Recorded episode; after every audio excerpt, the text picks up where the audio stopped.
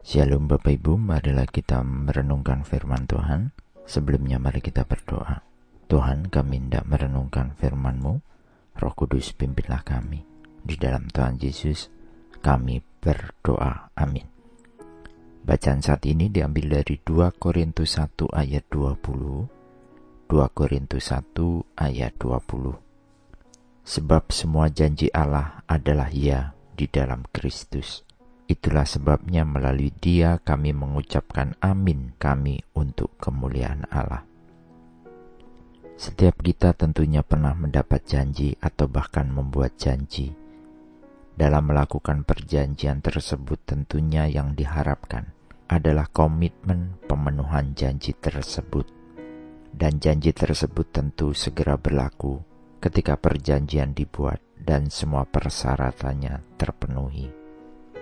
Paulus dalam bacaan saat ini menegaskan tentang penghiburan, kasih karunia, dan janji Allah yang pasti diberikan Allah kepada umatnya.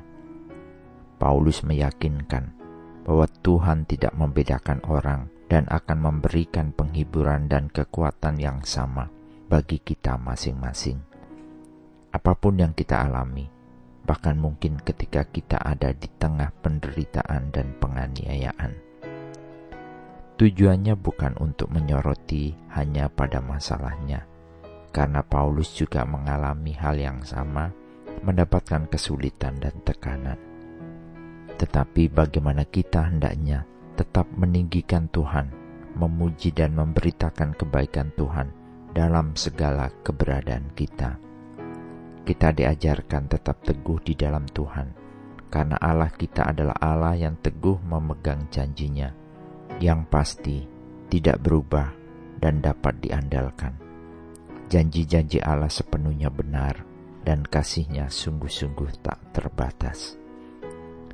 Dalam setiap janji, Allah berjanji bahwa sesuatu akan atau tidak akan dilakukan atau diberikan atau terjadi. Janji Allah bukan janji yang sebrono yang biasa seperti manusia buat. Janji Allah adalah komitmen yang teguh yang dibuat oleh Allah sendiri. Karena Allah itu setia, maka kita para penerima janji-janji ilahi dapat memiliki jaminan penuh bahwa apa yang telah dijanjikan Allah itu benar-benar akan terwujud. Di masa perjanjian lama kita bisa melihat bagaimana janji Allah yang dicatat di dalam Alkitabnya tentang bangsa Israel juga tokoh-tokoh yang ada di dalamnya telah semuanya digenapi. Demikian pula di dalam perjanjian baru, Allah terus menunjukkan komitmen atas semua janji-janjinya. Bagaimana dengan kita dalam meresponi semua janji Tuhan itu? Apakah kita hanya menuntut komitmen dari janji Tuhan saja? Ataukah kita juga bisa meresponinya dengan pemenuhan janji yang kita juga buat bagi Tuhan.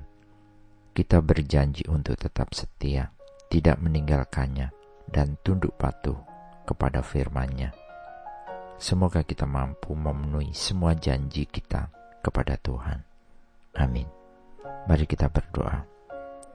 Bapak Surgawi, betapa diberkatinya kami ketika kami disebut anak-anak Tuhan di dalam Kristus yang telah menanggung hukum atas dosa-dosa kami, sehingga kami dapat menjadi penerima banyak janji Tuhan yang berharga dengan iman.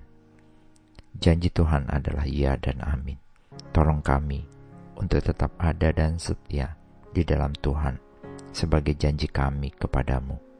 Terpujilah engkau Tuhan, di dalam Tuhan Yesus kami berdoa. Amin. Tuhan Yesus memberkati. Shalom.